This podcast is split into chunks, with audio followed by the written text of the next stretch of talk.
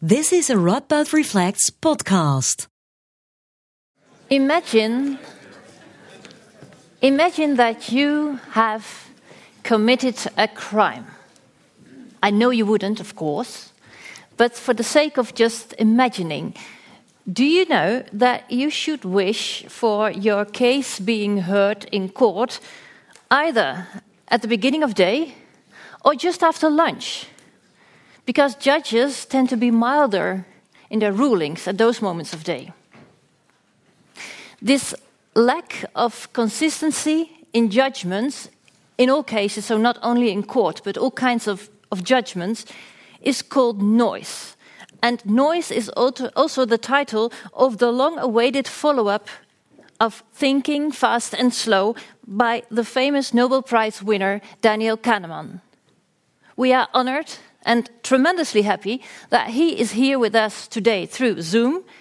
Daniel Kahneman is professor of psychology and public affairs emeritus at Princeton School of Public and International Affairs. Um, his resume is so impressive that I wouldn't know where to start or end. And since I guess you haven't come to hear me talking here tonight, uh, I will confine myself by remarking his membership of the National Academy of Science, the Nobel Prize in Economic Sciences that he received in 2002, and his numerous awards, prizes, and honorary degrees at universities all over the world. Thanks for joining us here today, live here at Theater de Lindenberg in Nijmegen or through live stream. My name is Lisbeth Jansen. I am a program writer for Radboud Reflects, and I'll be your host today. Um, after a short lecture, Professor Kahneman will talk to two scholars of Radboud University, Noelle Aarts and Daniel Wigboldus. Noelle Aarts is a professor of social ecological relations, interactions, sorry, social ecological interactions at Radboud University and affiliated to the Institute for Science in Society. And she studies interhuman in processes and communication in creating space for sustainable change. Daniel Wigboldus is a professor of social cognition with a specialization in person perception in general and stereotyping and prejudice in particular. And he's also the president, president of the Radboud University Executive Board. Well, the outline of tonight's event is pretty straightforward. We will first listen to a short lecture by Professor Kahneman, and after which he will discuss the topic of noise in more detail with Noelle Aarts and Daniel Wigboldus. There will be, of course, uh, ample time for your own questions as well. And for those of you here in the lecture hall, um, you can just, when time is there, raise your hand and my colleagues will come with microphones. And for those of you who are joining us through live stream, um, you can go to the website www.menti.com and if you enter there the uh, code that you can see on your screens just now, um, you can enter your questions and I will get them on my tablet. Well, I think we can start. Let's give a big applause to Professor Kahneman.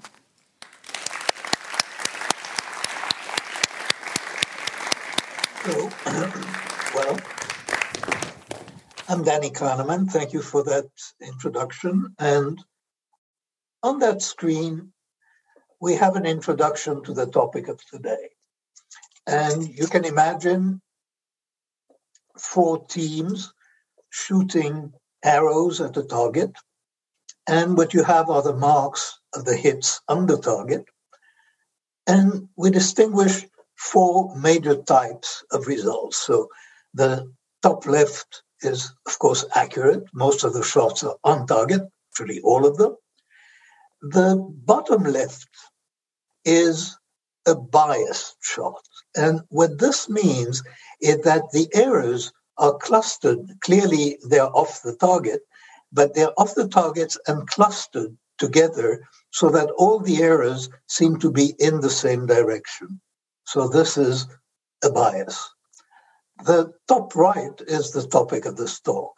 The top right is noise. And what you have in noise is clearly those shooters are not very good. In fact, they're probably less good than the biased shooters in this particular instance, but they're not biased in particular. There is no particular direction uh, to the errors, they're scattered. And this scatter of, of shots, like the scatter of judgments that we'll be talking about for the rest of the time, uh, that is noise. And of course, you can have a combination of both bias and noise, and that's what you have at the bottom right. So those are the basic topics. Uh, the, the basic concept is noise and bias. And you can see that noise applies not to one shot, but it applies to a set of shots. And the set of shots, when it is scattered, we say that there is noise. Now, let me tell you how my research on this topic, how the, the book Noise actually began. A number of years ago, I was consulting uh, with an insurance company, and I had the idea for a kind of experiment that today we would call a noise audit. And what we did there was we presented the same problem of assessment to about 50 underwriters. So they had the same, and they had a few problems, which were very realistic, the kind of problems that they dealt with in, they, in their normal job. And they were given a sufficient amount of time to work on, on each of these cases that has been constructed for them. And then they set a dollar value of the premium that they would suggest is appropriate for that risk. And I did something else. I asked executives in the company, and I invite you to think for yourself because I'm asking you to. Suppose you take two underwriters at random. And by how much do you expect them to differ in percentages? So, what that means is you, you take the two underwriters, you look at the two premiums that they set, you take the difference, you take the average, you divide the difference by the average. And so, how much would you expect them to differ in a well run insurance company? Now, the executives um, had a favorite number, and it turns out that that favorite number is very common. We've asked thousands of people since then that basic question, and the favorite number is 10%.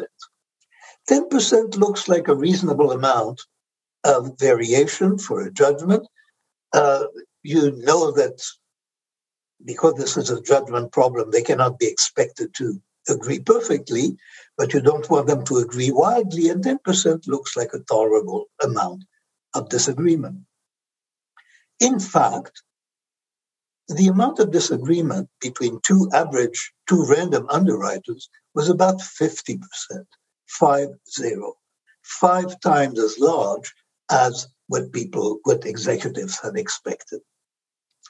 And what was striking here was actually there were two things that were striking. One was that the difference was much larger than we had expected, and clearly much louder than they had expected.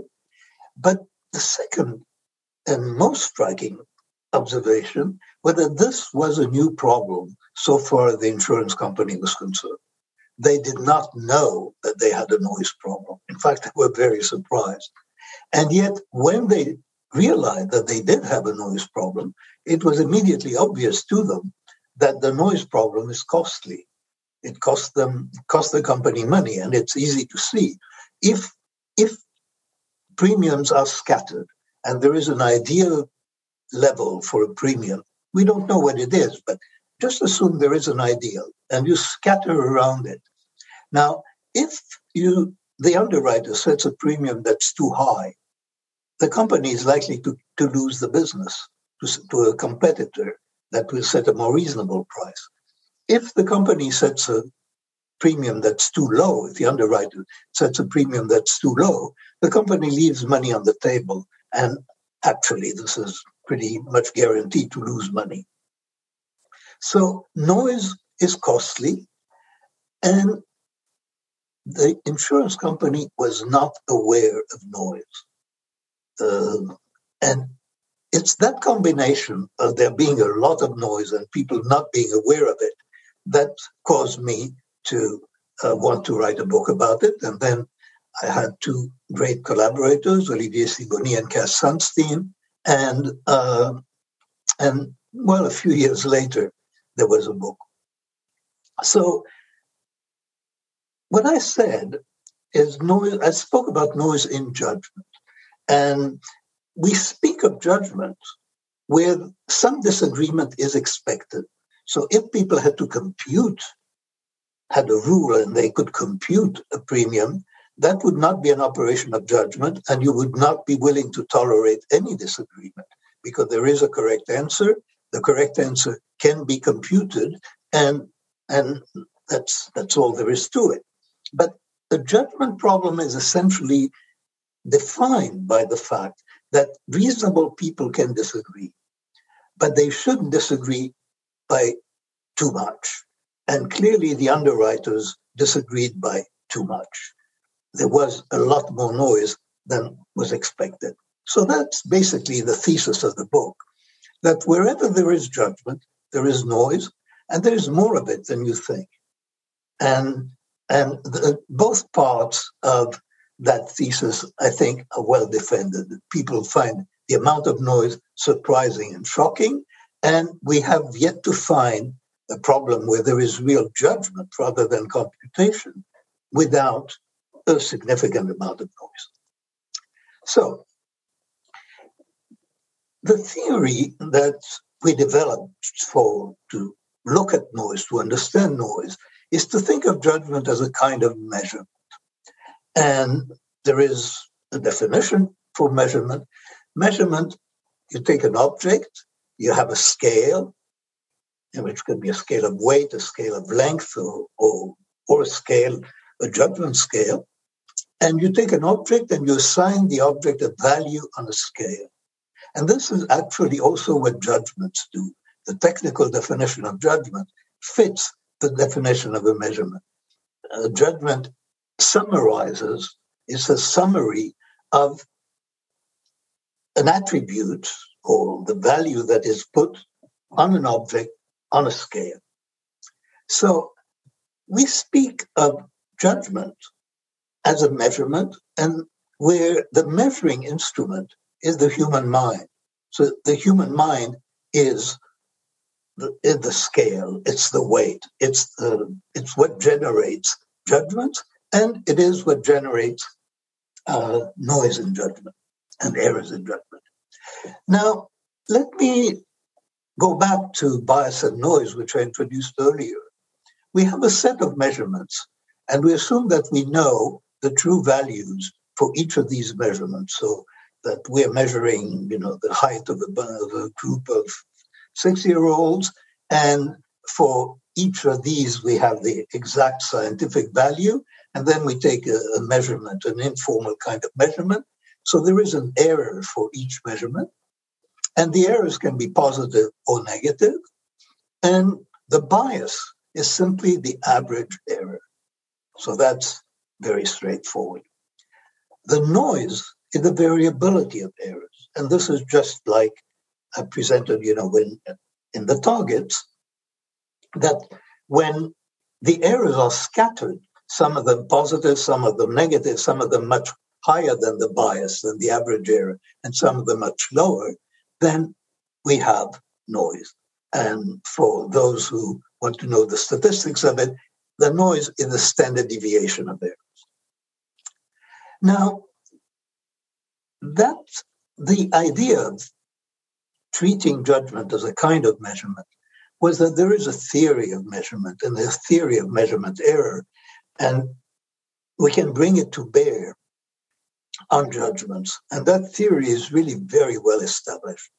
And the, the key problem is to evaluate the amount of error in a set of measurements. And you can think of it like, for example, if you have uh, two scales to measure weights and and you want to calibrate the scale or to evaluate how accurate they are and you have a set of errors of measurement for each of the two scales how are you going to compare and decide which of the two scales is more accurate so that's the problem evaluate the amount of error inaccuracy or accuracy obviously they are complement evaluate the amount of error in a set of measurements.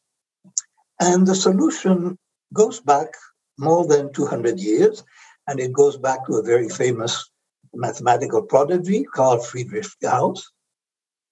And the context in which Gauss dealt with that problem was astronomy. A lot of developments in measurement come from astronomy in the 17th and 18th century. And they wanted a way, when you take repeated measurements, they wanted a way to figure out what is the best way to combine measurements and what is the best way of comparing instruments of measurements in terms of, of their accuracy.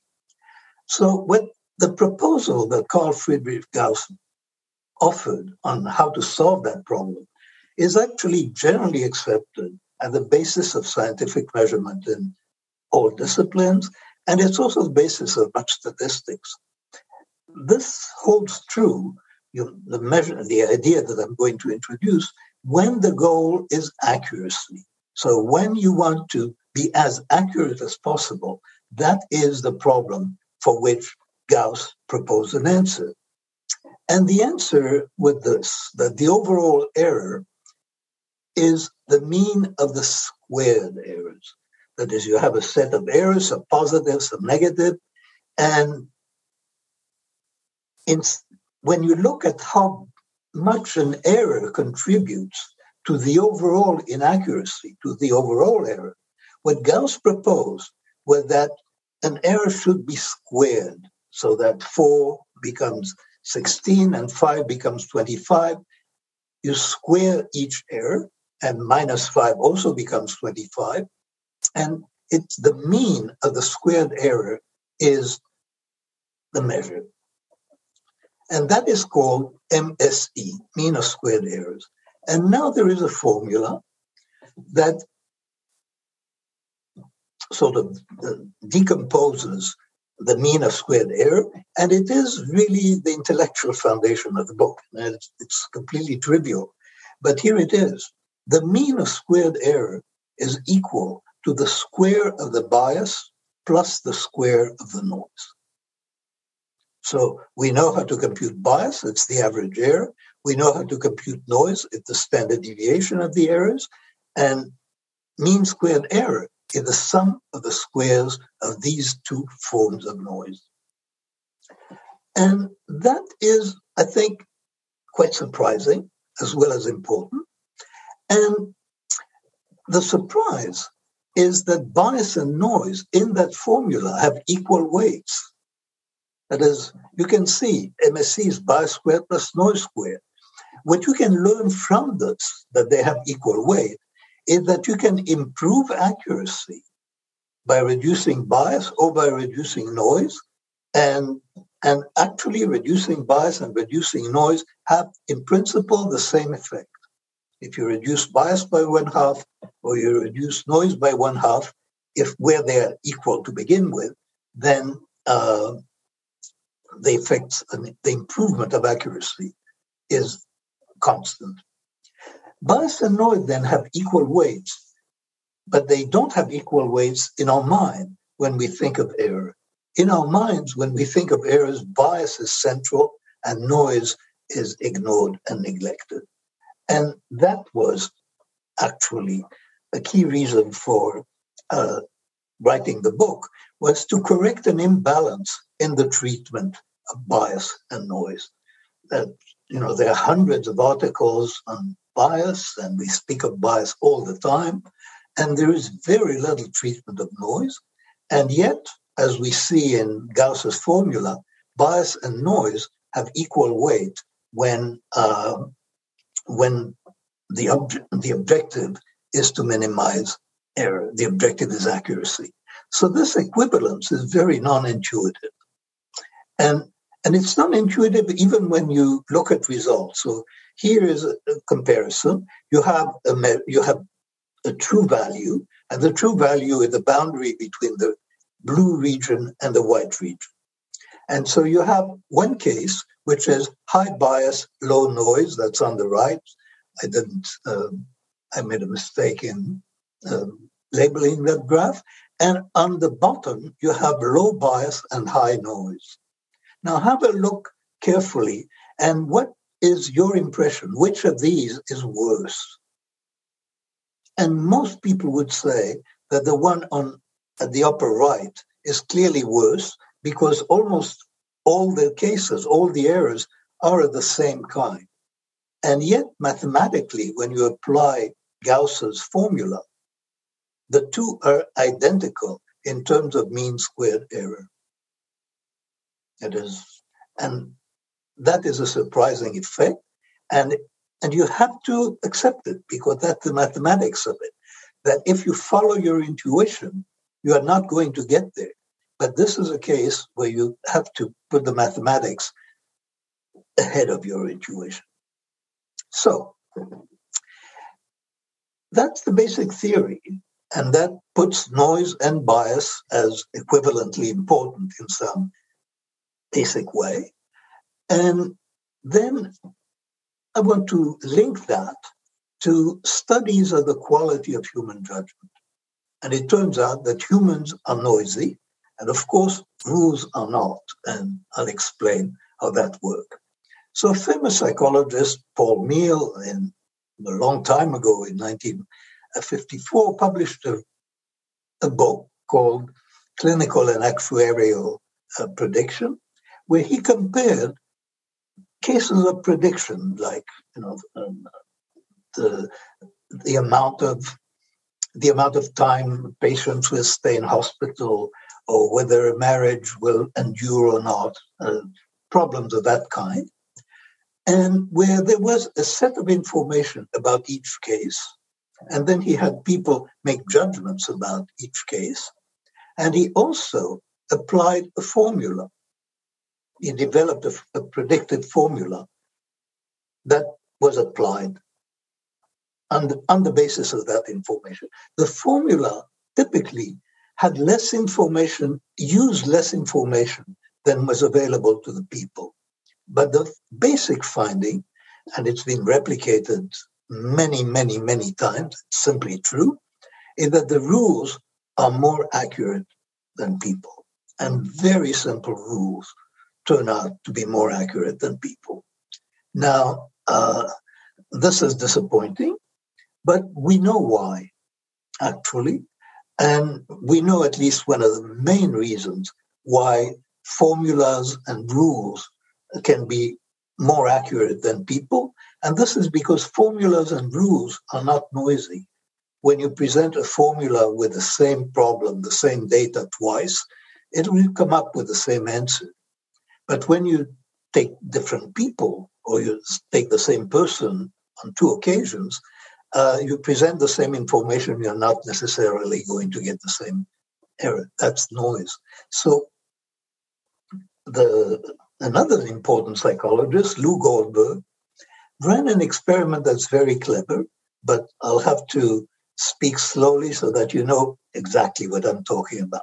So again, you have, say, uh, to, to make it a little more concrete, we're trying to predict how successful students will be in graduate school. And we have a lot of data about, about each of these students. And we have people who are professors or clinical psychologists or what have you.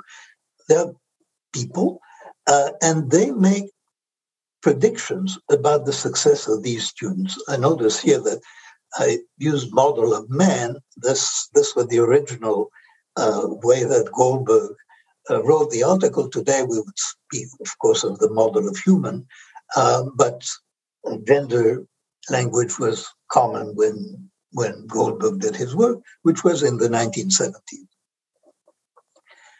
So we have judges making predictions about these cases. And now and we develop a formula, a predictive formula. And there is a mathematical way of optimizing or finding the best possible formula. But instead of using the formula to predict the success of the graduate students, we use a formula, we develop a formula to predict the judgments that people will make. So for each judge, you develop a model of that judge, how, how that judge uses the information, how much weight does that judge give to one aspect or the other of, of information, and you predict what the judge will say. You don't predict the graduate uh, success. However, you now can do an interesting experiment, and that's the purpose of the study. You can compare the accuracy of the judge to the accuracy of the model that predicts the judge. And it turns out that the model is more accurate than the model of a person, of a particular judge, is more accurate than that judge in predicting the final outcome. Now, how could that be? That's really very strange. And what it could be is that because we've built a model, a predictive equation to use the information, because we have built a model, that model uh, has the characteristics of a rule of an algorithm. It, it is, it produce, it's not noisy. It is noise free. And just eliminating the noise from the predictions is sufficient to overcome the fact all the subtleties that the people think that they apply when they're making their judgment are, are lost in that model. And it turns out that losing the intuitive subtleties using the clinical judgment, just taking a, a very simple mathematical model uh, of the of the human, of the judge himself, turns out to be uh, more accurate than the judge. Now, many people find the, these results shocking, and they find the results shocking because people think of rules and as sort of crude and they lack subtlety. And a clinical psychologist can pick up subtlety and can use subtle cues. That's the feeling that we have when we understand or we think we understand complicated problems. Uh, we think we can see things that are unique to this particular case, and we can see what the particular configuration of observations in a case, uh, what it implies. Well, it turns out that subtlety, you think you're adding subtlety if you're a human, but actually, mostly, you're adding noise. And that's a humiliating uh, conclusion for people, but it's a conclusion that we have to take on board because it's true that people are very noisy and that just eliminating the noise from their judgments, which eliminates a lot of subtlety from their judgment, will improve the quality, the predictive quality of the judgments by the mean squared error criterion. That's, that's an important finding about the limitations of the human mind. And it's extremely important when we think of the future of artificial intelligence, of how people will interact with machines, it turns out that just eliminating the noise causes such a big improvement that a rule or a machine can be superior to people if you take basically what the person is doing, but add, eliminate the noise from it. So uh, there are recent developments that confirm this idea, mainly in artificial intelligence, that artificial intelligence models in recent years uh, are are really beating people at a lot of judgment tasks. So, for example, there is a decision that judges make in the United States about parole, uh, not not about parole, about bail, which is whether a person who has been arrested for uh, is suspected of a crime whether he'll spend the time waiting for trial in prison or at home. And, and people, so there are judges, bail judges, who make those decisions. And clearly, the objective in that case is to send, to minimize the crimes that people will commit. I mean, that's the, the fear and the reason you put criminals in prison to wait for trial is that you're afraid that if you leave them free, they will commit more crimes. On the other hand, of course, you don't want to send to keep in prison somebody who would not commit crimes. Well, it turns out that uh, the rule of artificial intelligence, a model developed on hundreds of thousands of judgments, can improve the decisions of bail judges by a lot. That is, it can keep the crime level constant and reduce the amount of time that people spend in prison, the number of cases that are spent in prison, or it can keep the number of people who are sent to prison the same, and then crime will be reduced. So that's big improvement. And there are lots of studies of physicians and uh, many other judgments where machines, rules, algorithms, which are noise free and based on a lot of data, are actually superior to human judgment. And noise, being noise free is a big part of that story. Now, I'll give you an example, uh, which I think is a shocking example of noise. It's noise in justice.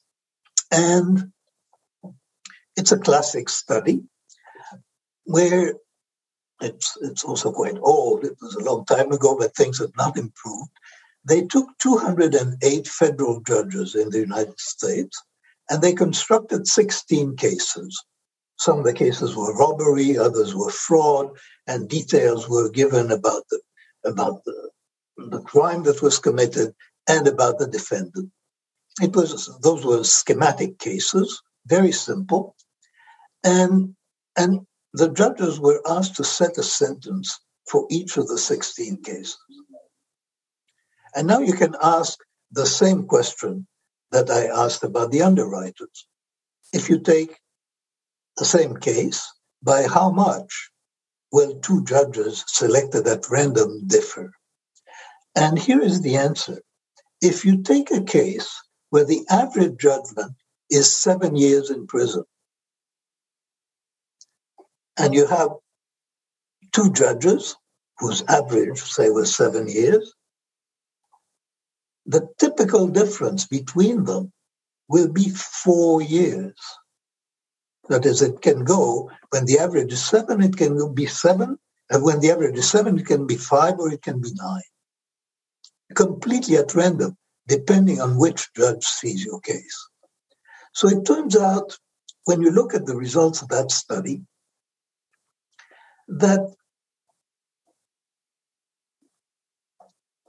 there is a lottery in the justice system, that a defendant actually faces a lottery. And this is a very uncomfortable idea for people. It's especially an uncomfortable idea for judges.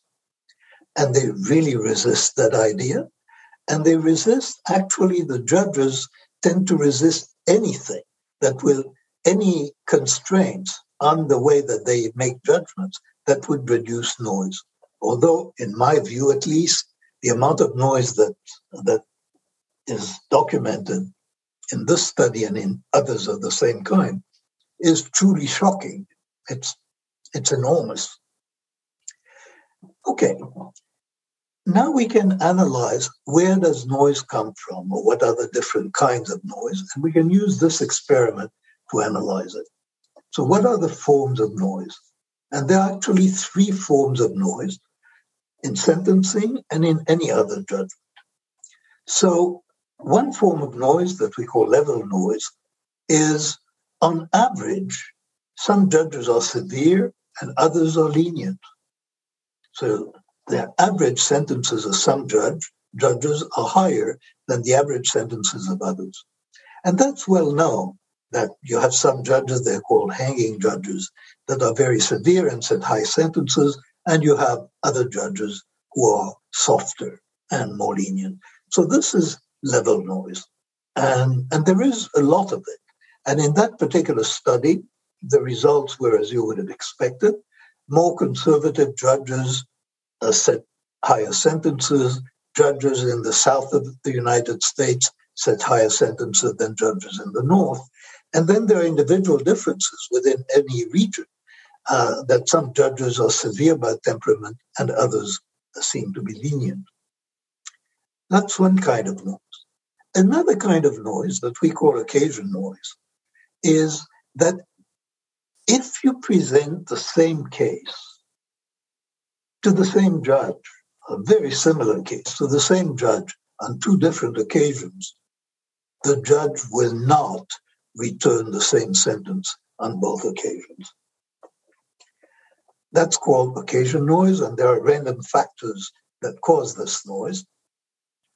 And for example, we know that the sentences the judges said depend on temperature. When on a hot day, sentences tend to be more severe. Uh, sentences uh, tend to be more lenient, at least in some parts of the United States, if the judges' football team won on the Sunday, then on Monday they tend to be more lenient in their sentencing. And those are small effects, but they just show you where what we call occasion noise can arise. And occasion noise means when it's not only that you've selected an underwriter or a judge, that that there is that lottery, but there is another lottery. You're selecting the judge in a particular state or on a particular occasion. And that has a big effect. So that's occasion noise. And it's we call it within person noise, that the same individual will not return the same judgment on different occasions. And then there is an effect that we call pattern noise. And pattern noise is actually what it is, is that when you compare two judges, it's not that one of them is more severe than the others for all cases. There are differences. And actually, judges seem to differ in their tastes. And what I mean by that is that some judges are very severe for violent offenses. Other judges are very severe when the victim is an old person. Uh, those are stable and there are huge differences. It turns out that pattern noise, those differences in taste, or we call them differences in, in judgment personality, that is the biggest source of noise. And it includes things which are stable but completely personal. So, if, for example, a judge is lenient to somebody who reminds uh, her of, of her son, uh, then you know that's a stable characteristic. Any defendant who reminds that judge of her son will will get a somewhat more lenient uh, judgment. This is stable. It is not like occasional noise. It's not random. It's not variable within person. It's stable, but it's different from one individual to the next. And it turns out that pattern noise, from the information that we have, and in the cases that we have, tends to be the biggest source of noise. That is, that people just see the world differently.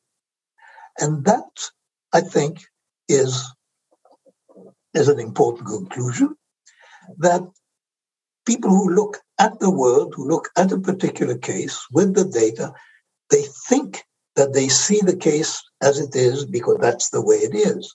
But in fact, each person sees the world differently from other people. And we find that difficult to imagine. And we find that difficult to imagine because we feel that what we see is reality. But in fact, each person has their version of reality, which is different from other people. And those differences are what creates noise. So those are the major sources of noise. I'll uh, bring this to a close because I'm talking a little too long. Um, these three form, for, forms of noise create noise in organizations. So you have in systems. So you have the justice system, and the justice system is noisy because different judges will make different judgments uh, for any one of these three reasons. The medical system is noisy different physicians in the emergency room are going to give different diagnoses. And there is a lot of error in medicine, a huge amount of error in medicine. There is noise in the system of patent approval. There is noise in the system in the hiring system. It turns out that uh, who interviews a person that there is a lot of noise. A person, a candidate could be hired by one uh, person in human uh, resources and not by another. So there is system noise, and the system noise is produced by these three kinds of noise. And there is more of it than you would think. And there are various things that can be done to improve things or to reduce noise, but I think they'll come up in the conversation. So I will stop there. Thank you.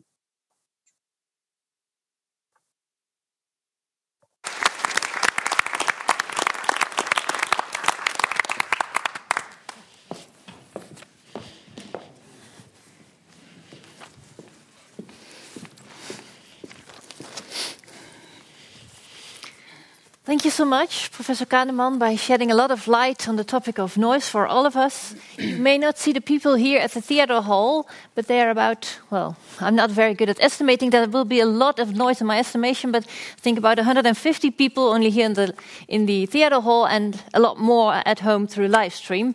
I would like to introduce you, first of all, to two scholars of Radboud University, Noelle Aarts and Daniel Wigboldus. and um, I think I'll start with you, Noelle, because you, as an anthropologist, you study the communication processes between people and between groups of people. How, how do you see do you see noise in those communication processes, and how do you evaluate it? Yeah, yeah. Um, first of all, uh, Professor Kahneman, uh, thank you very much for your wonderful story and your beautiful new book. And I feel actually very honored to have the opportunity to talk to you here. In my work, I indeed gratefully use the many rich insights you have developed, for example, from your book, uh, Thinking Fast and Slow, about how people make uh, decisions.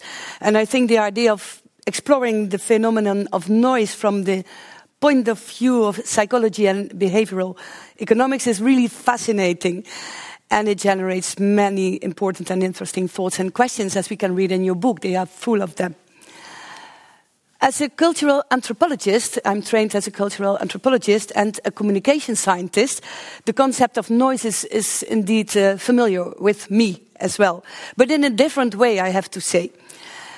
For a long time, and you may know that um, communication processes they have been interpreted from the well-known Shannon and Weaver model of a sender who sends a message to a receiver via a certain medium. And if the message doesn't come across as intended, there is noise. Eh? In this model, noise is indeed seen as a nuisance and it should be reduced. But soon there was also a sort of insight that in this model, the own activity and the creativity of the so called receiver is, is sort of ignored. Well, they always play, as you also say, a decisive role. So, after all, that's what we learned. People are not empty vessels in which we so called objective knowledge is processed. Instead, was the insight we construct our own message from information, and this is a message in which all kinds of contexts are integrated. So, what happened before? with whom does, it inter does interaction take place and how do we, do we experience each other? Is it morning, afternoon, night? What does the power balance look like? And what are the goals of the ones involved? What are my own goals?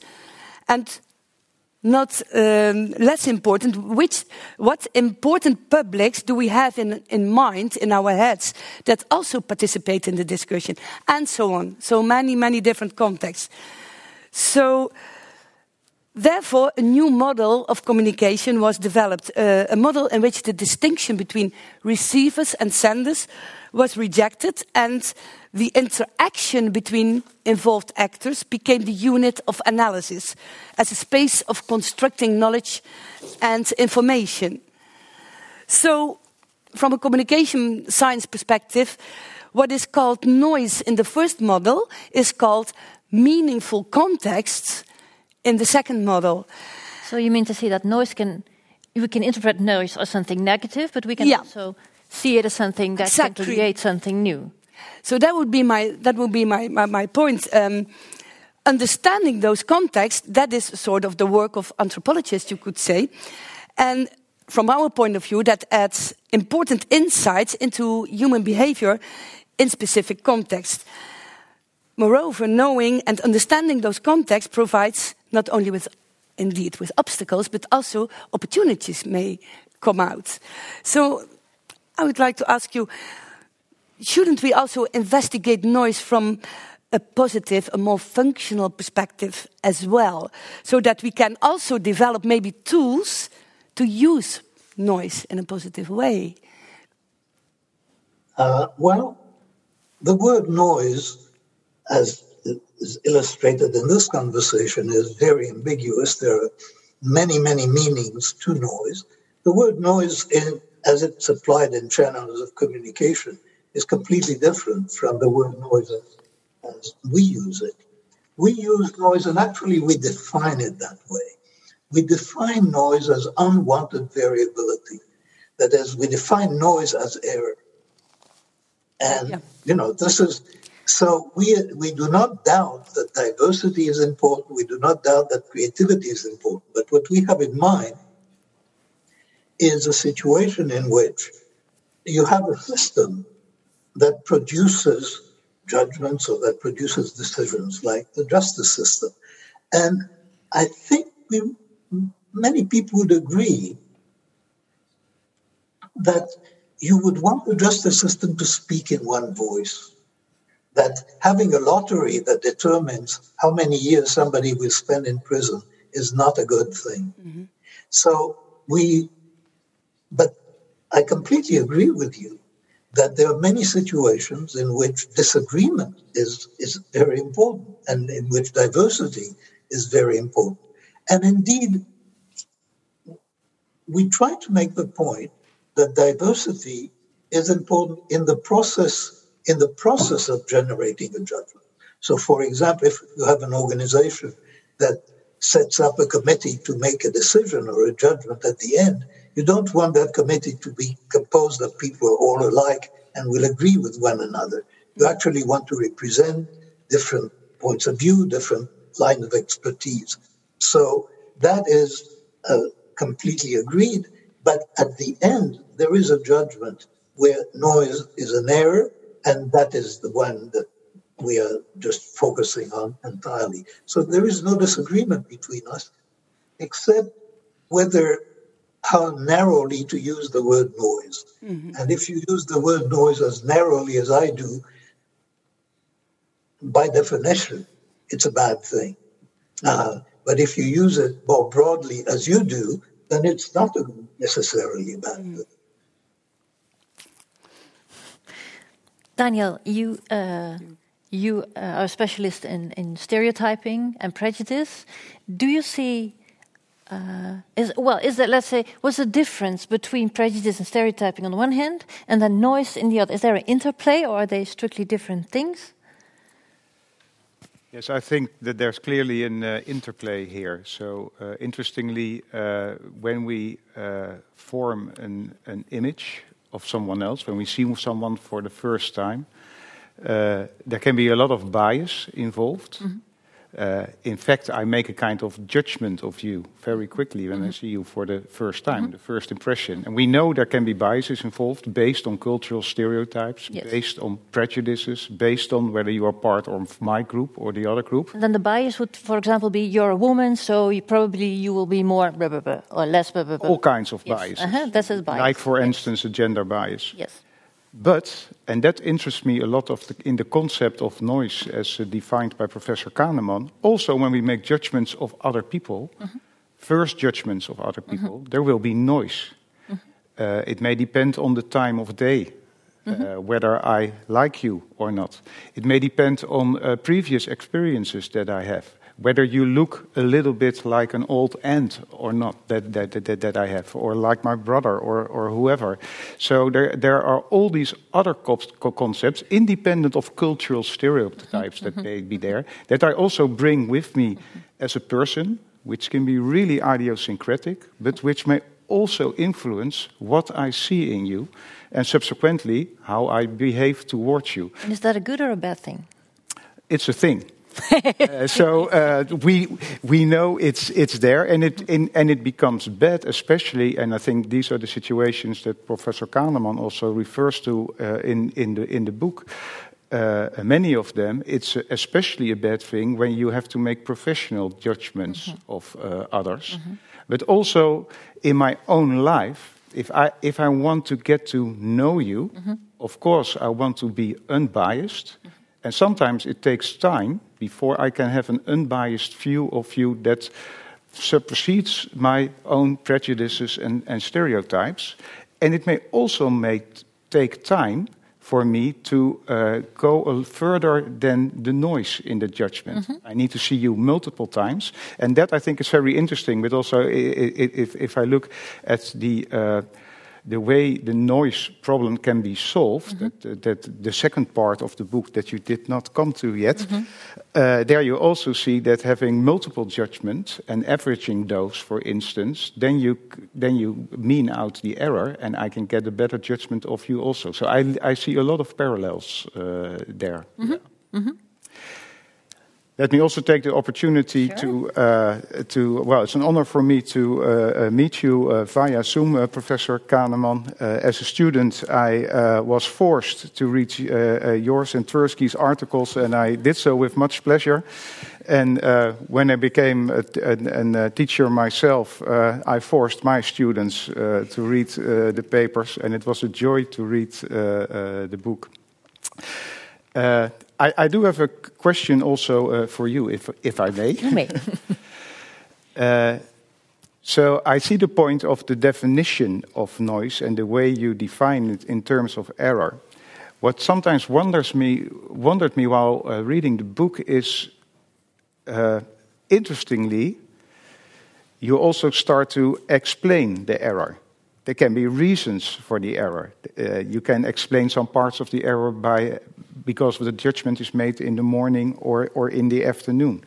You can explain some part uh, uh, of the error uh, because of who I met earlier on, or the, or the TV, the TV show I watched last night. The moment I can explain the error, is it still error? And then is it still noise or not? In your definition of noise?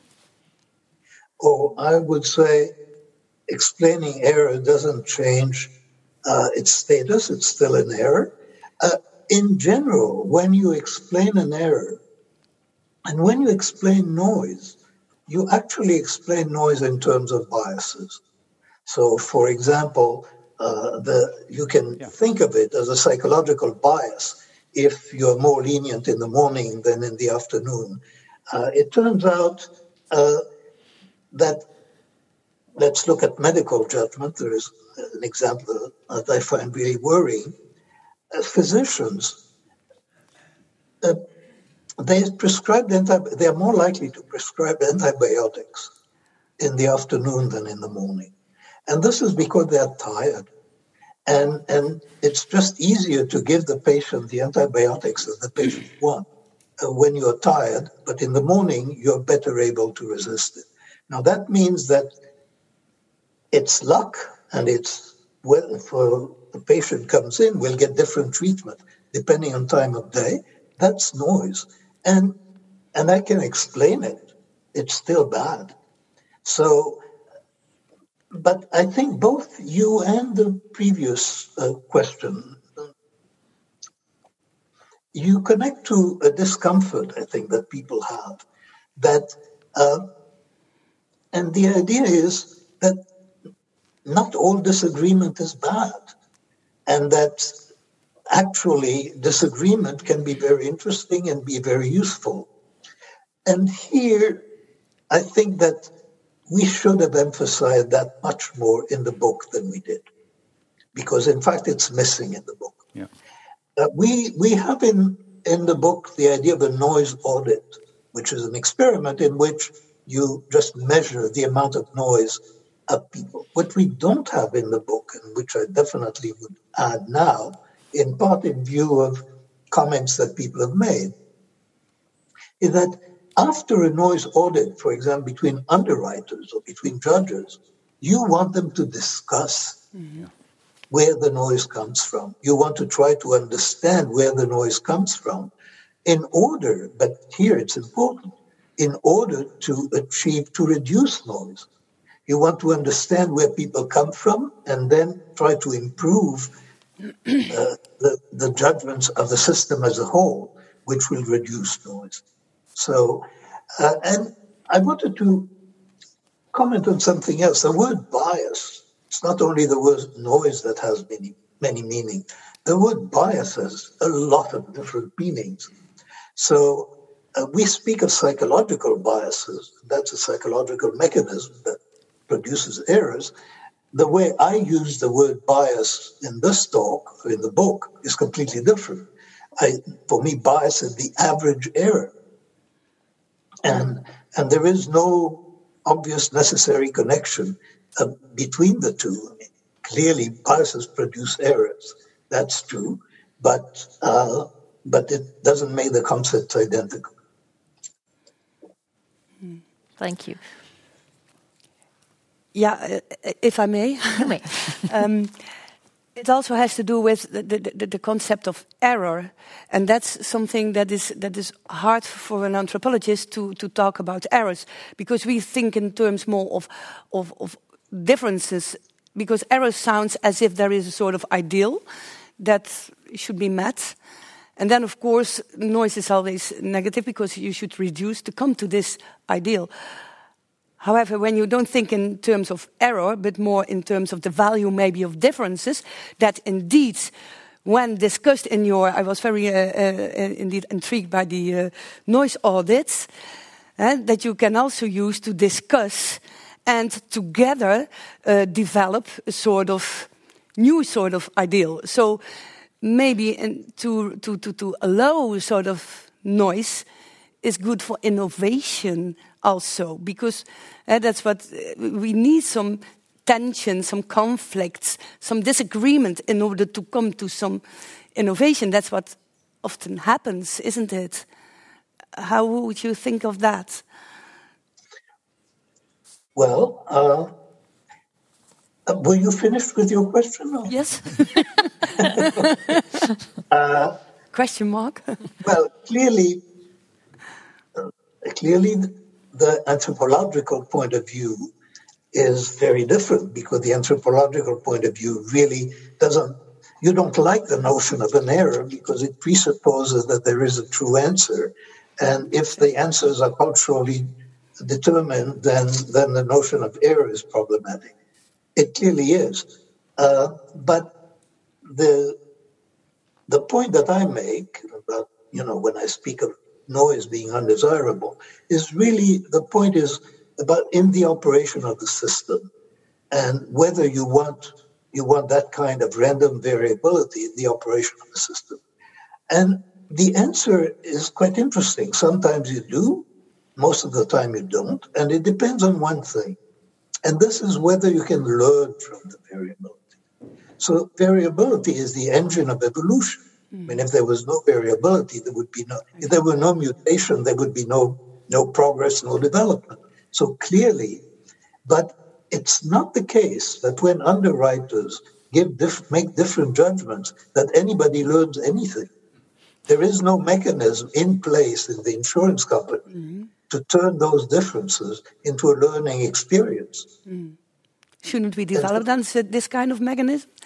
uh, I, I would think that this,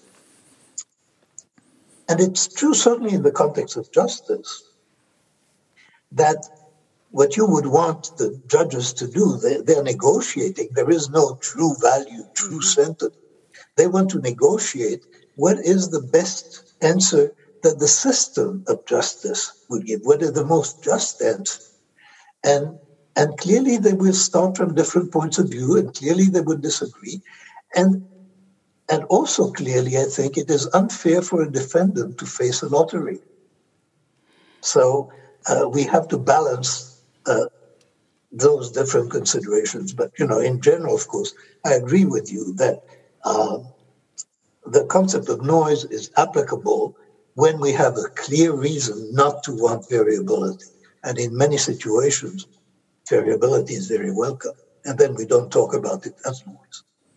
Yes, I think maybe that's a good moment to switch to the solutions uh, for noise because I think in your book you you mentioned a two-way system. It's either via via the wisdom of the crowd or uh, via AI.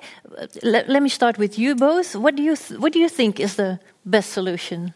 Yeah, I wanted to ask Professor Kahneman. So I, am oh. a, I'm a uh, social psychologist, social cognitive psychologist uh, by origin, who uh, got away from the true path and ended up being a president of the university, uh, I have to make judgments all day. Yes.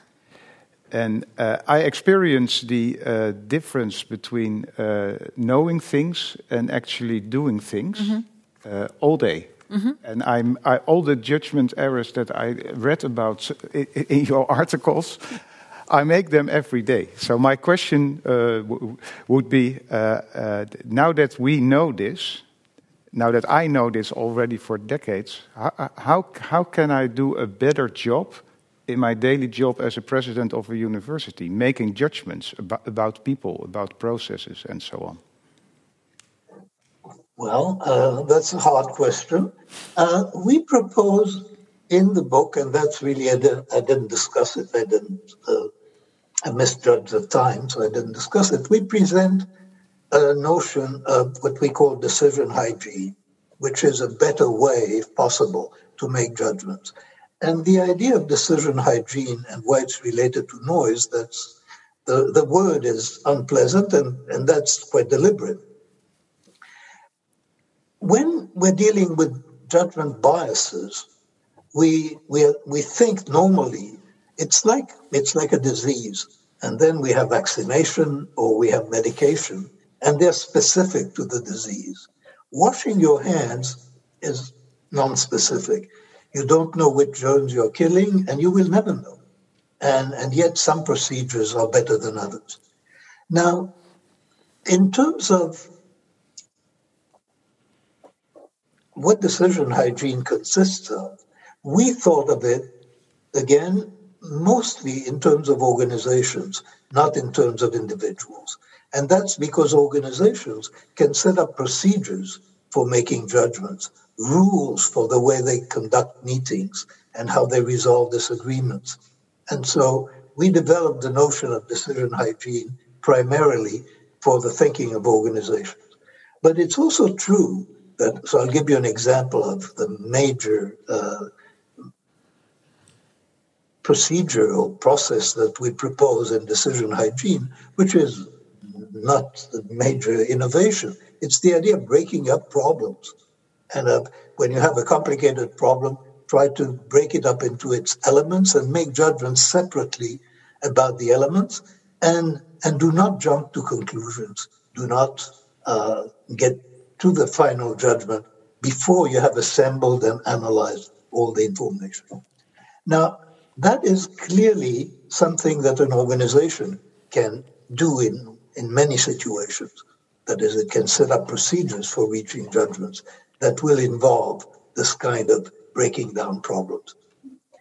It, it's, I think it applies also, the same idea would apply to your decisions uh, in principle, because uh, my colleague Olivier Sibony had a line that I really like a lot, and this is in contrasting the unique problems that you face with the repeated problems that organizations face.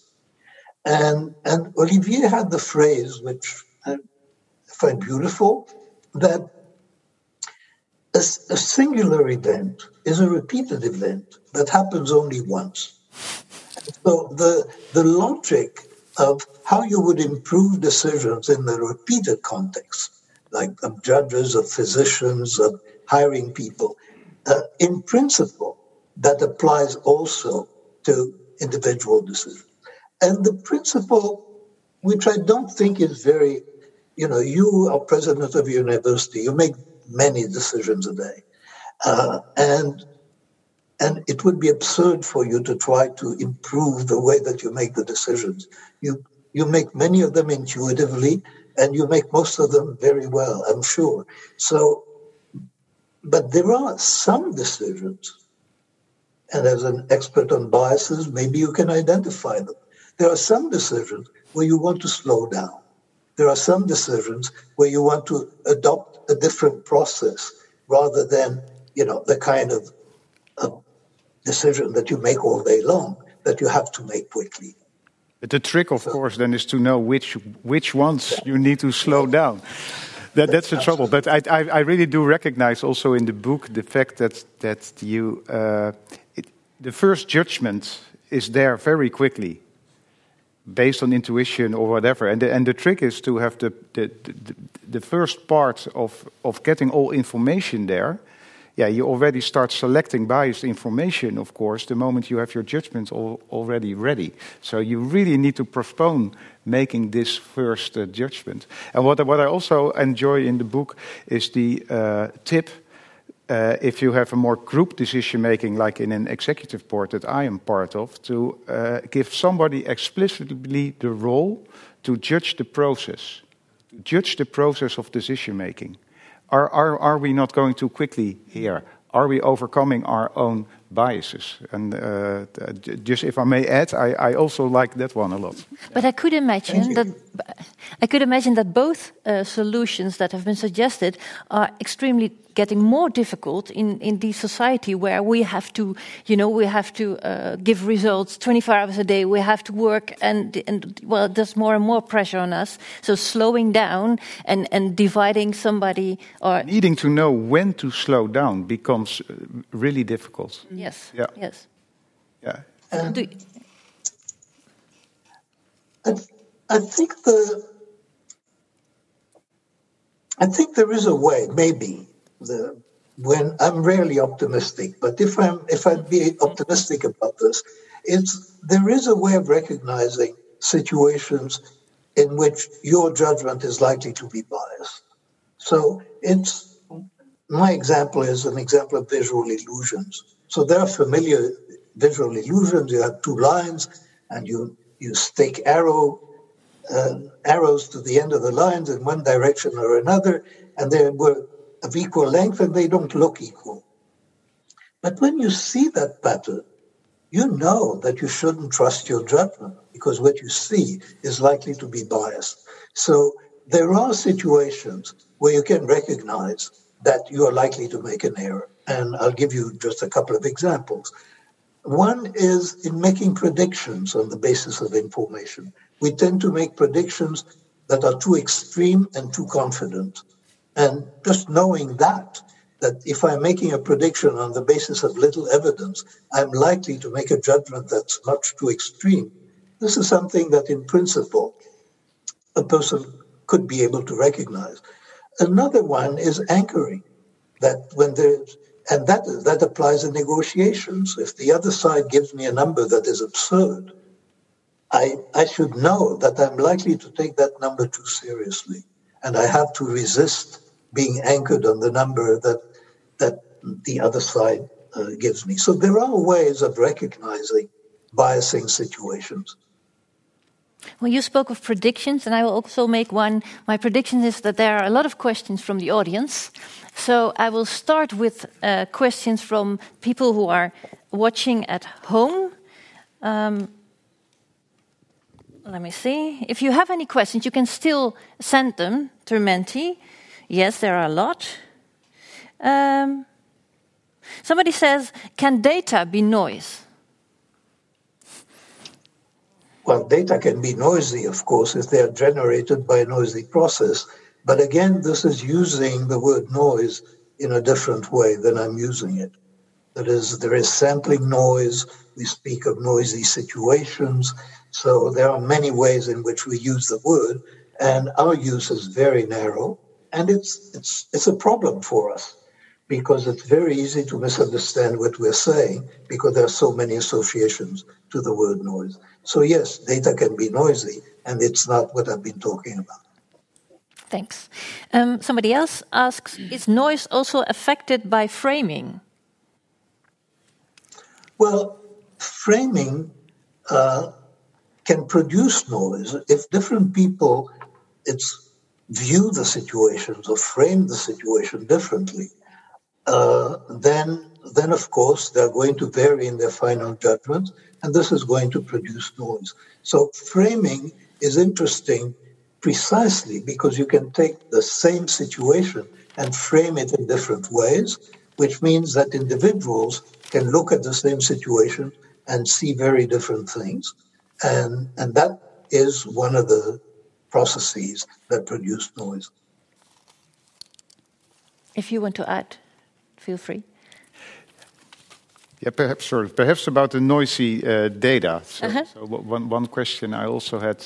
It's interesting. Uh, you probably know more about this uh, than, than, than I do, but uh, AI programs, artificial intelligence programs. You you refer to AI also in the book, of course. Uh, so they are learning themselves now. Mm -hmm. And in my understanding, more recently, those researchers have started to add noise in the AI parameters to make it easier for the program to learn. Mm -hmm. Because you get the variability that the program can learn from. I find that interesting. Of course, your answer will be my concept of noise is more narrow uh, than that. but, but, but, still, I find that an interesting question, big point, because that's the rule based part. It's really rule based, the AI programs. And for them to learn, noise, need noise. needs to be yes. added absolutely right. Uh, and, you know, it's a technical aspect of, of learning and that you want to increase the variance in the situation because there are more opportunities to, to learn if the situation is variable. Uh, and it, it is very interesting. I am very interested in it, and it's not the noise we're talking about. um, another question is: Do you do you see machines taking over the jobs of judges? Oh, now it's gone. Wait, it's here. Do you see machines taking over the jobs of judges in the future? And would that be an improvement, according to you? Well, we know, and I mentioned that in my talk, uh, we know of at least one context where machines would do a much better job than people, and this is in bail decisions. So, in bail decisions, there is no question, and that's been confirmed in studies with thousands of judges and, and hundreds of thousands of cases that uh, giving the information to a formula and, and let the formula decide would produce a, an, would be an improvement. Now, the bail decision is highly structured and relatively simple. The sentencing decisions are much more complicated. Um, but at the rate at which artificial intelligence is moving, at the rate at which uh, the range of problems that can be solved by artificial intelligence better than by human judgment increases, it's hard to set limits to it. And so, clearly, not in the foreseeable future, not in the immediate future, but ultimately, when the, I could imagine a system and, you know, if you have a sentencing system, you would first have to decide what is just.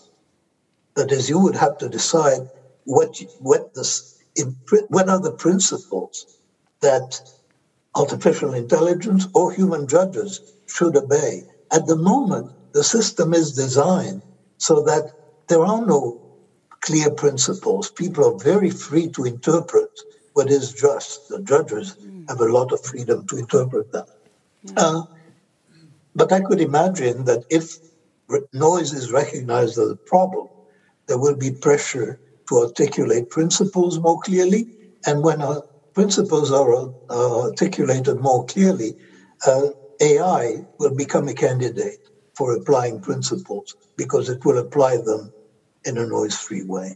But that's long term.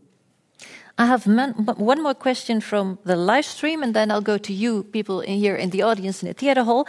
And somebody is uh, drawing upon the advice you just gave uh, Daniel Wigboldus on how should we deal with noise in our daily lives.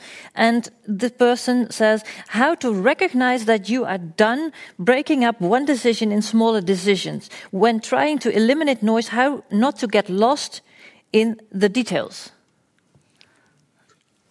Um it's an interesting question, and actually, there is there is an answer. So when you want to evaluate a candidate for a job, or when you want to evaluate the performance of somebody on the job, there is a limited number of dimensions with which judges can cope. And actually, we, we have a pretty good idea of the number. It's, it's about six or seven, certainly not 12. So uh, the, there is a, clearly there are constraints on the ability of judges to keep dimensions separate so that it's worthwhile distinguishing them. And so, in that sense, thinking about what are the six most important attributes that I want to think about when I think about a candidate for a job, that is in principle a feasible exercise. It would not be feasible if we were not limiting the number of dimensions. Thank you. I want to add with your question, Noelle, the question that you posed while we were di having dinner before uh, beforehand tonight, um, and had, it had little to do with noise, but it was very interesting all the same. Okay. So. Well, if I may, a last remark on. on um, no, you may not, because time okay. out. Sorry. well, um, then um, the last question, you know. You have thought and written a lot about how people make decisions and how this can be improved. But you know, we all know that at this very moment, uh, the world is, uh, is, is full of uh, major challenges. Our physical environment is at risk. We have climate change, we have biodiversity loss, etc., energy transition needed, etc. And so far, we do not know, really know how to deal with it. We have wars coming up. So there are conflicts everywhere about what is going on and what should be done and what should not be done. And meanwhile, polarization arises almost immediately about just every issue. So, but sometimes great ideas and initiatives emerge, but we have not managed yet to scale them up to collective wisdom uh, for effective collective action. So, from your lifetime of experience, what would be your advice for the collective decision making process that is needing, needed to, to calm down the world and the people? What should we do? Can you say something about that? And you have 30 seconds. Help us out. It'll be another that Nobel Prize, I think. for me to say, I don't know you know, if I if I knew the answer, the you know the world would be a better place. Yes, if there was an easy way to find an answer. Uh, evidently, that problem is too hard. Well, yeah. no solution for this, but still, thank you very much, Professor Kahneman, for being with us here tonight. You've shed a lot of light on a problem that we're all facing in our daily lives. So we're very honored you are here, and we'll all give you a big applause for that.